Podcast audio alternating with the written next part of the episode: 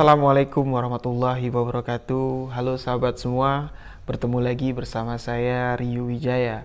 Oke, di kesempatan kali ini saya akan menceritakan sebuah kisah misteri. Kisah misteri yang akan saya ceritakan kali ini adalah sebuah kisah nyata yang ceritanya saya dapatkan langsung dari narasumber. Oke, singkat cerita kisah ini berawal pada tahun 2004. Jadi pada 2004 ini ada seorang petani ya. Petani kita sebut saja namanya Bapak Amir yang berprofesi sehari-hari sebagai penyadap karet ya, penyadap getah karet. Jadi dia memiliki sebuah kebun lah ya, sebuah kebun. Jadi kegiatan sehari-harinya dari pagi sampai siang dia menyadap getah karet ditampung dan keesokan harinya getah yang telah ditampung dikumpulin untuk disimpan dan dijual pada minggu berikutnya ya.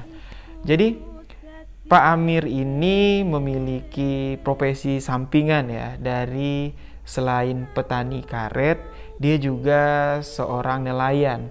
Tapi Pak Amir ini bukan nelayan seperti memancing ikan atau memasang pukat atau jaring ya.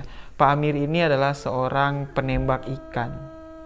Jadi kegiatan Pak Amir setelah melakukan aktivitas sehari-harinya di kebun, Pak Amir ini dari sore sampai malam hari bahkan sampai pergi 2-3 hari bersama teman-temannya untuk menembak ikan.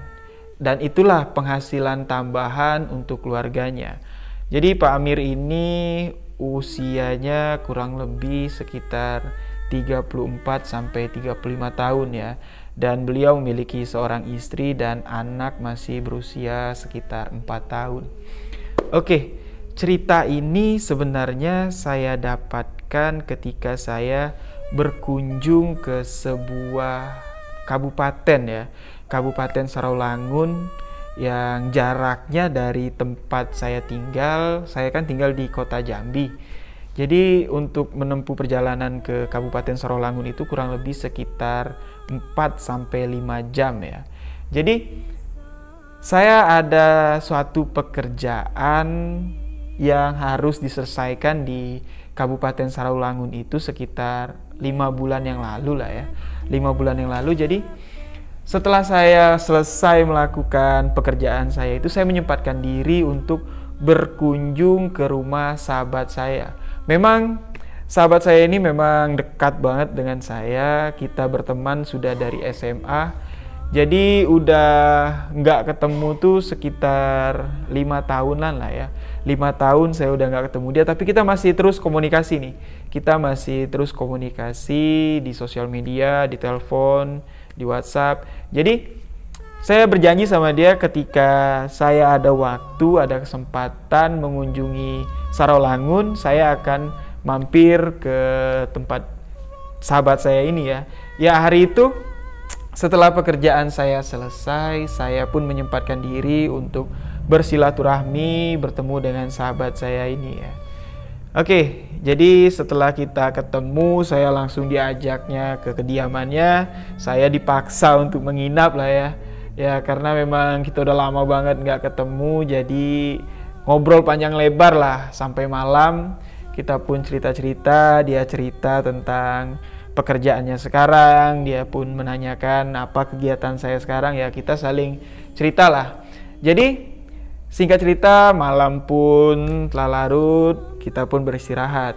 Nah, jadi sebelum uh, kita tidur, dia berjanji besok akan ngajak saya buat mancing. Karena sahabat saya ini memang tahu kalau saya memang hobi mancing.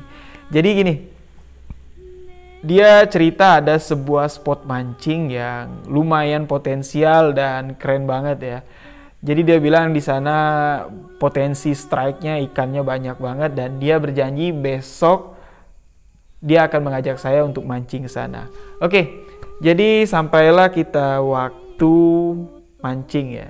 Jadi lokasi mancing yang diceritakan teman saya ini berjarak lumayan jauh lah ya, lumayan jauh dari kediamannya. Kita mengendarai sepeda motor kurang lebih sekitar 45 menit baru sampai ke lokasi mancing ini. Memang lokasinya memang keren ya.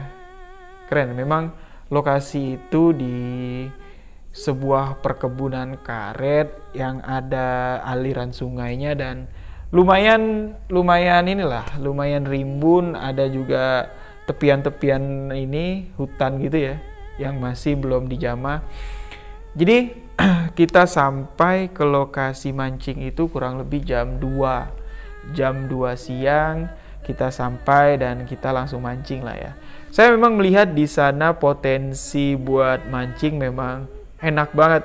Suasananya sejuk tempatnya sepi dan airnya pun tenang jernih jadi kelihatan memang ikan di dalam sungai itu memang banyak banget. Jadi saya makin semangat lah ya buat mancing jadi kita persiapkan peralatan mancing teman saya mempersiapkan peralatan mancing dan saya juga mempersiapkan peralatan untuk memancing jadi di saat mancing teman saya memilih tempat yang berbeda ya dari tempat saya. Jadi kita ada dua lokasi. Saya memilih di sebuah jembatan ya.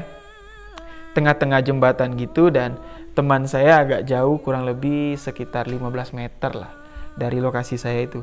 Saya memilih lokasi itu karena memang tempatnya enak ya. Yang pertama, yang kedua memang di situ airnya jernih jadi memang betul-betul kelihatan ikan itu memang kelihatan banyak banget dan ikan besar-besar. Jadi saya putuskan saya akan mancing di situ. Tapi nggak tahu kenapa kalau teman saya memilih spotnya agak jauh ya, agak jauh dari lokasi saya nggak mau dia mancing dekat saya.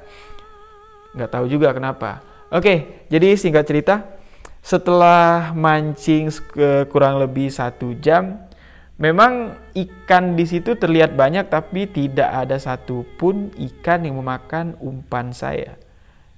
Nah, jadi saya penasaran, saya melihat ke tempat teman saya, dia sudah lumayan banyak ya mendapatkan ikan dan lumayan-lumayan besar.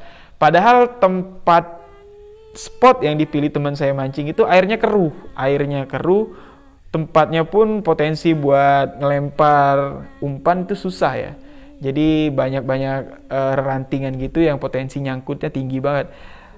Dan saya penasaran kenapa kok di tempat saya mancing yang lebih apa ya, lebih memiliki potensi kok malah nggak ada satupun sambaran. Nah, jadi saya putuskan untuk pindah lokasi ke depan kurang lebih sekitar 25 meter dari jembatan itu. Ada sebuah pohon besar sebuah pohon besar rindang dan di bawahnya itu memang tempatnya sejuk dan saya lihat cocok lah ya cocok buat mancing. Jadi saya putuskan untuk pindah ke sana. Ya memang kondisinya pada saat itu air memang sedikit agak ini ya agak banjir jadi saya menuju ke lokasi itu memang sedikit mengarungi genangan air dan akhirnya saya sampailah sampailah ke tempat itu di bawah pohon besar itu jadi memang di bawah pohon besar itu nggak salah pilih lah saya uh, tempatnya ya. Memang tempatnya sejuk dan di situ juga airnya masih tetap jernih dan di situ ikannya lebih besar-besar lagi kelihatannya.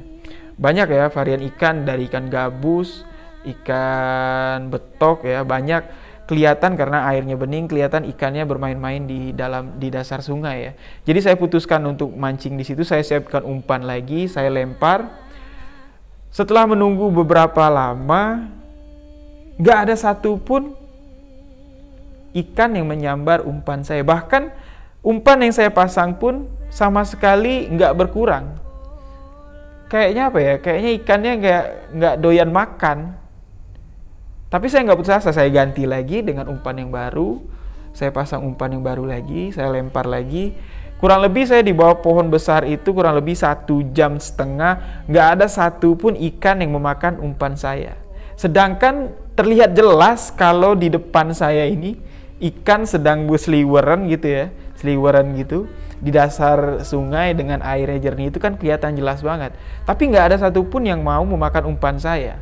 Nah, pada saat itu di tempat itulah saya merasa ada sebuah kejanggalan ya. Jadi seperti ada sesuatu yang memperhatikan saya ketika saya memancing di lokasi itu. Tapi ya memang perasaan itu kerasa banget dan saya yakin memang ada sesuatu yang memperhatikan saya. Tapi saya hiraukan karena saya memang lagi penasaran ya, penasaran kenapa umpan saya nggak dimakan-makan sama ikan ini. Jadi ya perasaan itu saya abaikan aja, tapi makin lama makin lama sosok yang memperhatikan saya itu semakin mendekat, semakin mendekat, semakin mendekat, semakin mendekat. Tiba-tiba teman saya manggil dari kejauhan ya, kan dari jembatan yang tempat saya mancing pertama ke bawah pohon besar itu kurang lebih sekitar 25 meter. Jadi dari seberang sana teman saya manggil. Manggil menyuruh saya pindah lokasi. Jangan mancing di situ. Jangan mancing di situ kok pindah dia bilang kan. Kok pindah nggak ngabarin. Saya jadi khawatir katanya. Ya takutnya ya saya orang baru di situ nggak tahu seluk beluk takutnya kenapa kenapa ya namanya sungai ya. Nggak tahu ntar kecebur atau apa ya. Teman saya menyarankan saya untuk pindah oke lah saya berpikir ini aja ya saya ikutin teman saya dan saya beresin peralatan mancing saya saya mengarung lagi sampai ke jembatan itu dan kita pun akhirnya pindah lokasi nggak di situ lagi. Kita keluar ke lokasi, kita mancing di sekitar perkebunan warga yang sudah agak ramai penduduk lah ya. Hari pun di situ sudah sekitar jam setengah empat ya. Jadi kita putuskan pindah, walaupun saya sedikit kecewa ya. Karena di tempat saya mancing pertama itu nggak ada satupun ikan yang saya dapat. Sedangkan teman saya lumayan uh, lumayan banyak ya dia dapat ya. Nah, oke, okay, jadi di tempat kedua itu nggak begitu lama sih, nggak begitu lama. Kita akhirnya kita cabut pulang lah, walaupun hari itu nggak ada satupun ikan yang saya dapat di lokasi mancing pertama maupun yang kedua. Jadi setelah pulang kita bersih bersih, bersih bersih, mandi, terus kita siapkan ikan yang didapat teman saya ini. Ya kita olah lah, kita olah, kita masak, kita makan. Jadi setelah kita makan malam sekitar jam 8 lah ya, sekitar jam 8. Kita ngobrol lagi. Saya diajak ngobrol sama dia di teras rumahnya. Ngobrol-ngobrol tentang mancing hari ini. Ya. Saya bertanya dengan dia kok di lokasi saya mancing tadi ikannya banyak tapi nggak ada satupun ikan yang mau, mau yang mau memakan umpan saya. Nah di situlah teman saya menceritakan sebuah kisah yang cukup mengerikan ya di lokasi tempat saya mancing itu kurang lebih sekitar tahun 2004 ya. 2004 pernah ada kejadian yang kejadian Pak Amir tadi. Pak Amir yang seorang nelayan, seorang pencari ikan yang penembak ikan tadi pernah mengalami sebuah kejadian di situ. Oke, jadi teman saya bercerita padahal saya ini belum menceritakan kalau ada sosok ya.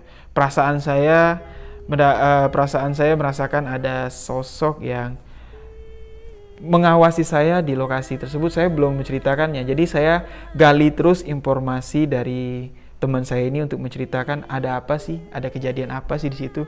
Jadi teman saya bercerita begini. Di tahun 2004 yang lalu Pak Amir ini pergi menembak ikan dengan dua orang sahabatnya ya Pak Amir sebut aja kita sahabat Pak Amir yang pertama Pak Amin dan Pak Budi ya. Jadi Pak Amir, Pak Amin, Pak Budi tiga sahabat yang pekerjaan sehari-harinya petani karet dan pekerjaan sampingannya adalah nelayan ikan dengan cara ditembak ya. Jadi mereka membuat senapang rakitan gitu ya, rakitan gitu tapi pelurunya diganti dengan kayak mata tombak gitu. Jadi dia bisa nembak ikan dan ikan itu nancep bakal dapat ya ngapung ke atas gitu. Jadi gini ceritanya pada suatu hari Pak Amin, Pak Amir, Pak Amin dan Pak Budi ini pergi menembak ikan di lokasi tersebut. Ya. Kisah ini diceritakan langsung oleh Pak Budi ya.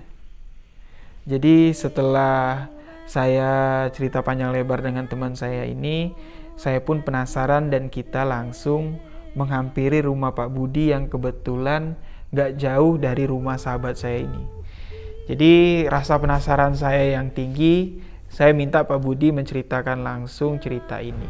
Jadi begini ceritanya, Pak Budi menceritakan kalau perjalanan Pak Budi, Pak Amir dan Pak Amin menembak ikan ini sudah dilakukan mereka dari mereka masih bujangan ya. Jadi kegiatan mereka memang itu pencarian mereka adalah penembak ikan waktu masih bujangan ya. Memang hasilnya dia bilang lumayan besar ya. Dalam satu malam ya. Mereka kan nembaknya malam tuh, berangkat dari sore sekitar jam 5 sampai subuh mereka lumayan banyak kalau untuk hitungan duitnya dia bilang penghasilannya ya dapatlah per orang sekitar 200 ribu dari hasil ikan yang ditembak mereka ini dari hasil buruan mereka. Jadi pada hari itu Pak Budi menceritakan bahwa Pak Budi, Pak Amin dan Pak Amir bertiga pergi ke lokasi itu. Dan ternyata lokasi ini adalah kebun-kebun karet yang saya ceritakan tempat saya mancing ini adalah kebun karet uh, milik Pak Amir ya, milik Pak Amir. Jadi mereka pergi menembak ikan di sungai di tempat saya mancing itu. Oke, jadi sore itu Pak Amin, Pak Amir dan Pak Budi pergi ke lokasi itu sekitar jam 5 sore dan sampai ke situ sekitar jam 6 pas maghrib lah ya Pak Budi cerita pas setelah azan maghrib mereka mulai menyusuri anak sungai dan mengikuti anak sungai untuk mencari ikan yang layak lah ya untuk ditembak. Jadi mereka memang mencari ikan yang ukurannya lumayan-lumayan besar biar bisa ditembak. Jadi pada sore itu Pak Amir melihat ada seekor ikan yang berukuran sangat besar ya. Pak Budi bilang ikan itu adalah sejenis ikan toman ya, tapi warnanya sudah sudah berbeda ya. Umumnya ikan toman ber, berwarna hitam dan bertotol agak biru-biru hijau gitu ya. Ini enggak ikan toman itu berukuran kalau dia lihat ya dari atas air dia lihat kurang lebih panjangnya hampir sekitar 80 cm dan ikan itu berwarna putih dan bertotol-totol hijau hitam gitu ya. Memang jenisnya sama persis dengan ikan toman ya. Jadi Pak Amir yang melihat ikan itu bergegas mengejar ikan itu. Tapi begitu ditembak, ditembak, ditembak, nggak ada satupun mata mata panah dari tembakan Pak Amir ini mengenai ikan itu. Jadi Pak Amir terus mengejarnya sudah diperingatkan oleh Pak Budi bahwa sudahlah nggak usah dikejar lagi ikan itu mungkin nggak rezeki lagi pula ikan itu kelihatan aneh ntar kenapa kenapa lagi ya kan soalnya ya namanya juga di desa ya mereka juga memiliki apa ya kisah-kisah bahwa ikan-ikan di tempat itu nggak semuanya ikan asli ya. Mereka memiliki kepercayaan bahwa ada beberapa ikan yang memang sebagai penghuni atau penjaga sungai itu. Tapi si Pak Amir ini masih ngotot ya, masih penasaran dengan ikan tersebut sampai mengejar ikan itu dan sampai apa ya kelan sendiri ikan itu nggak dapat dapat ditembak dan hari itu pun berakhir mereka bertiga pun pulang ke rumah oke Pak Budi menceritakan keesokan harinya bertemu dengan Pak Amir. Pak Amir masih menceritakan sosok ikan yang kurang lebih panjangnya 80 cm yang mirip sekali bentuknya dengan ikan toman tapi memiliki belang yang berbeda itu. Masih penasaran Pak Amir ini untuk mendapatkan ikan itu. Dan Pak Amir mengatakan bahwa nanti malam dia akan ke sana lagi untuk menembak. Dia mengajak Pak Budi dan Pak Amin namun Pak Amin dengan Pak Budi sudah merasa nggak enak ya melihat ikan itu bukan sosok ikan yang biasa. Jadi Pak Budi dan Pak Amir memperingatkan Pak Amir ini untuk tidak melakukan apa ya, tidak mencari ikan itu lagi. Tapi Pak Amir masih penasaran banget dengan ikan itu. Jadi Pak Amir memutuskan kalau kalian nggak mau ikut ya udahlah aku pergi sendiri. Akhirnya pada malam itu Pak Amir pun pergi sendirian. Ya, Pak Amir ini pergi sendirian, meninggalkan istrinya dan seorang anak yang berusia 45 tahun ya. 45 tahun pergi sendirian dan dia berpamitan dengan istrinya ini pergi sebentar untuk ke ladang, tapi nggak tahu dia kalau nggak tahu istrinya ini kalau Pak Amir ini pergi untuk menembak ikan. Memang biasanya sih kalau Pak Amir pergi untuk menembak ikan dia nggak sendirian, pasti ditemani dengan Pak Budi dan Pak Amin ya. Nah di situ istrinya pun ya mengizinkan suaminya pergi, pergilah Pak Amir ini, pergi Pak Amir ini. Jadi setelah Pak Amir ini pergi, sampailah ya cerita ini ke hal yang aneh yang dialami istri Pak Amir ini. Jadi biasanya kalau Pak Amir ini izin pergi ke ladang atau mengecek kebun karetnya ya. Pak Amir itu palingan kalau dari pergi dari jam 8 eh dari jam 7 itu paling jam 8 jam 9 udah pulang ke rumah. Nah, di sini sampai jam 11 malam Pak Amir nggak pulang-pulang ke rumah. Jadi Pak jadi istrinya Pak Amir ini berpikiran bahwa Pak Amir ini ya mungkin dari ladang pergi mampir ke rumah sahabatnya Pak Budi dan Pak Amin ya. Ya mungkin itulah pikiran istrinya lalu istrinya pun mengunci pintu dan memutuskan untuk tidur.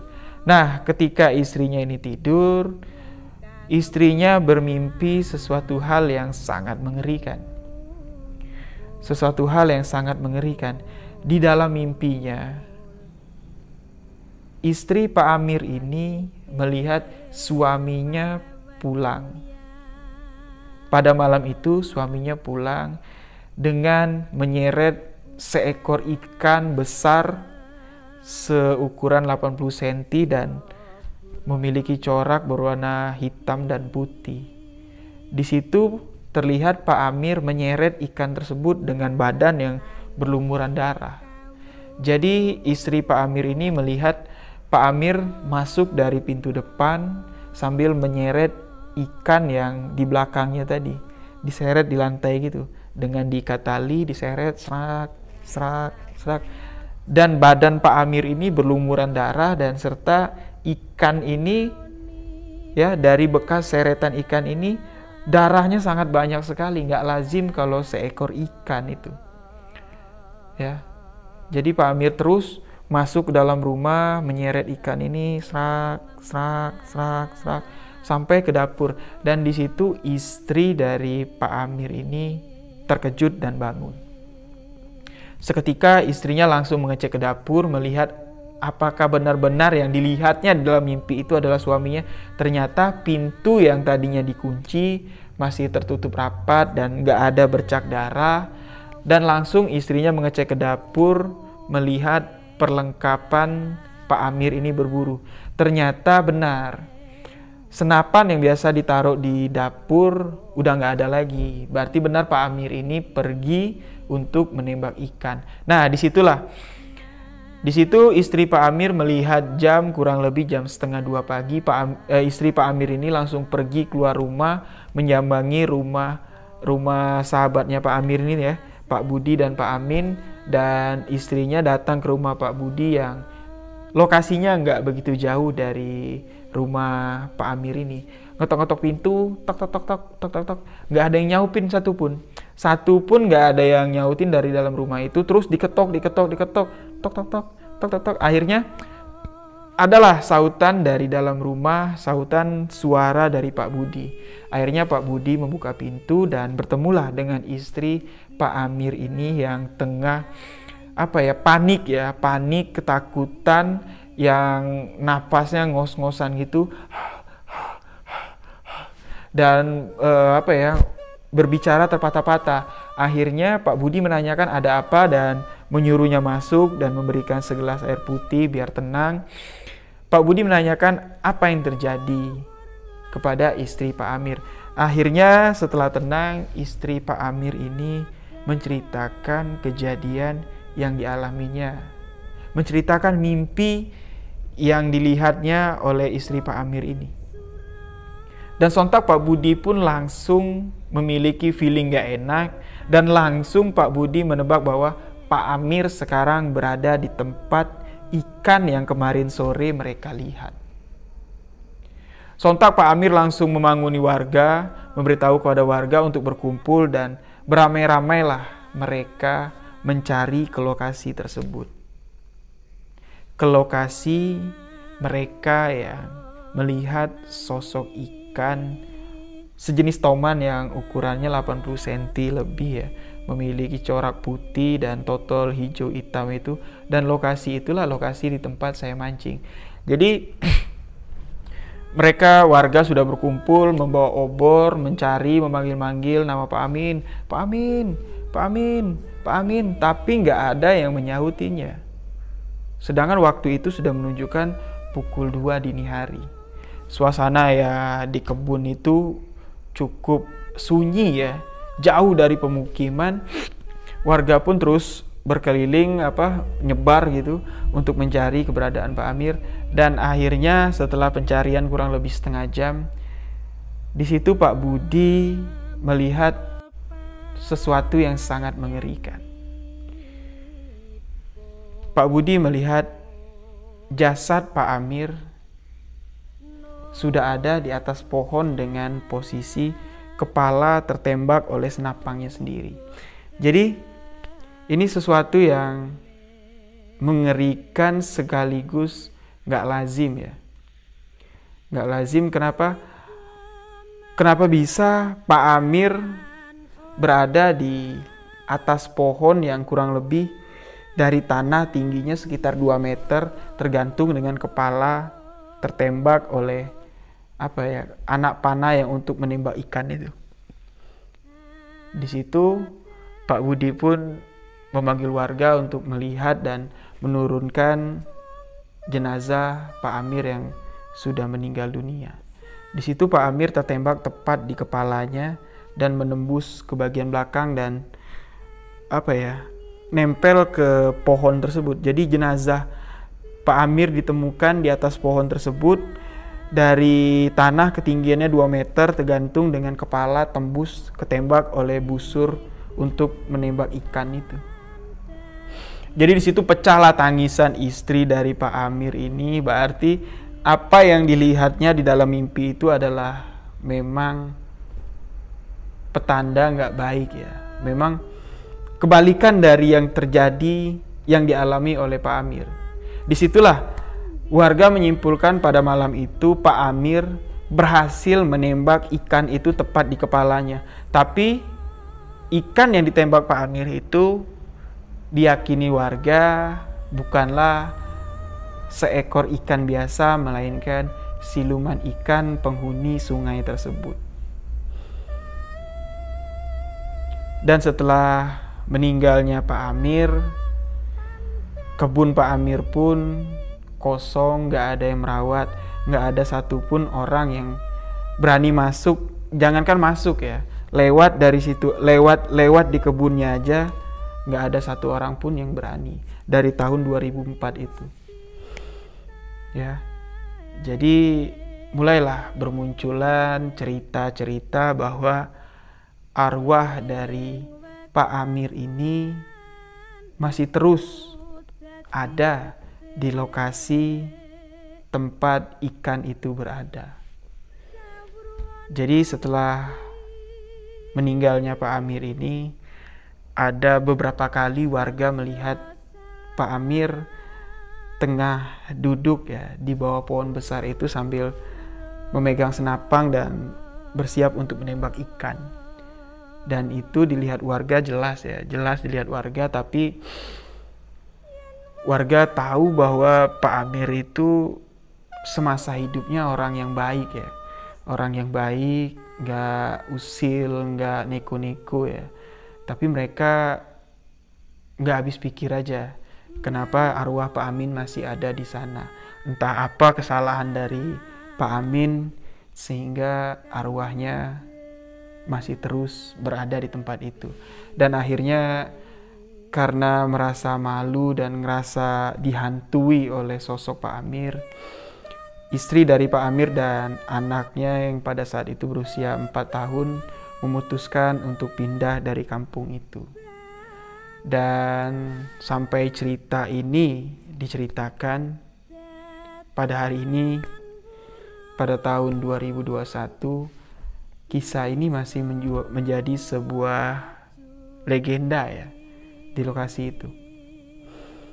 Dan jadi saya dapat menyimpulkan bahwa sosok yang memperhatikan saya ketika saya berada di bawah pohon di bawah pohon yang dulunya ditemukan jasad Pak Amin merupakan apa ya boleh dikatakan tempat yang memiliki energi yang sangat luar biasa besar. Karena saya jelas banget saya jelas merasakan sosok yang mengawasi saya itu semakin mendekat semakin mendekat semakin mendekat.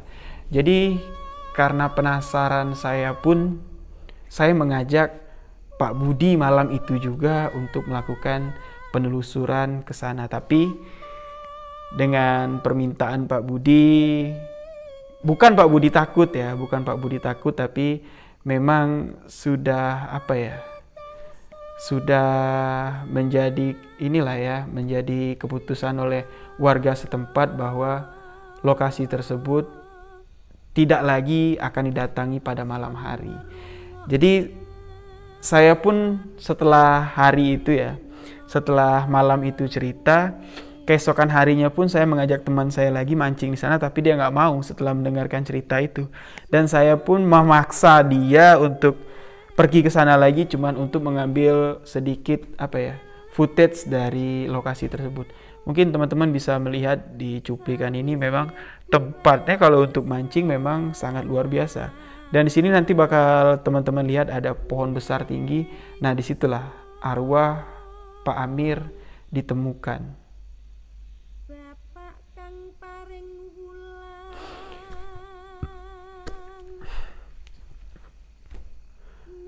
Oke, demikianlah cerita pengalaman saya ya. Cerita dari narasumber yang saya dapat kisah dari almarhum Pak Amir. Seorang nelayan, ya, penembak ikan yang naas jiwanya terenggut saat menembak ikan yang dianggap sebagai ikan siluman penunggu sungai. Jadi pesan yang bisa kita ambil dari kisah ini adalah jangan pernah berlaku berbuat seenak-enaknya di alam liar ya.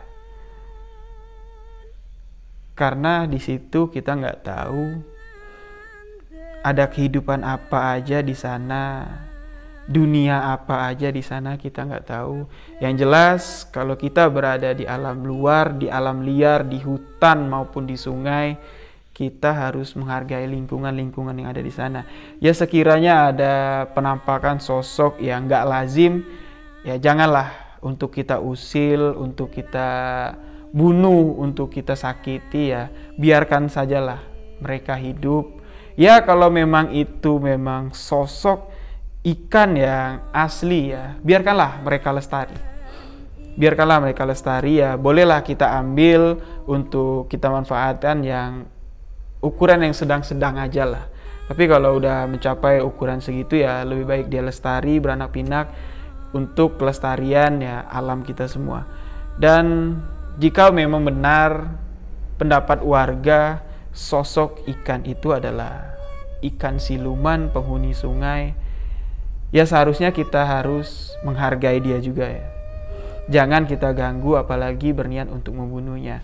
Alhasil apa yang terjadi oleh Pak Amir adalah sebuah gambaran bahwa kita jangan pernah mengusik kehidupan semua umat yang ada di dunia ini maupun sesama manusia maupun di alam yang berbeda.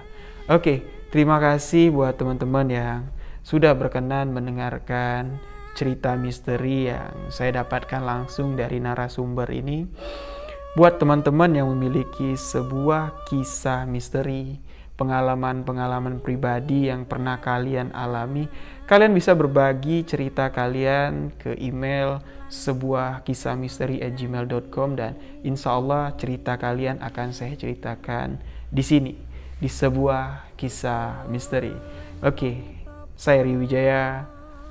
Sampai jumpa di video selanjutnya.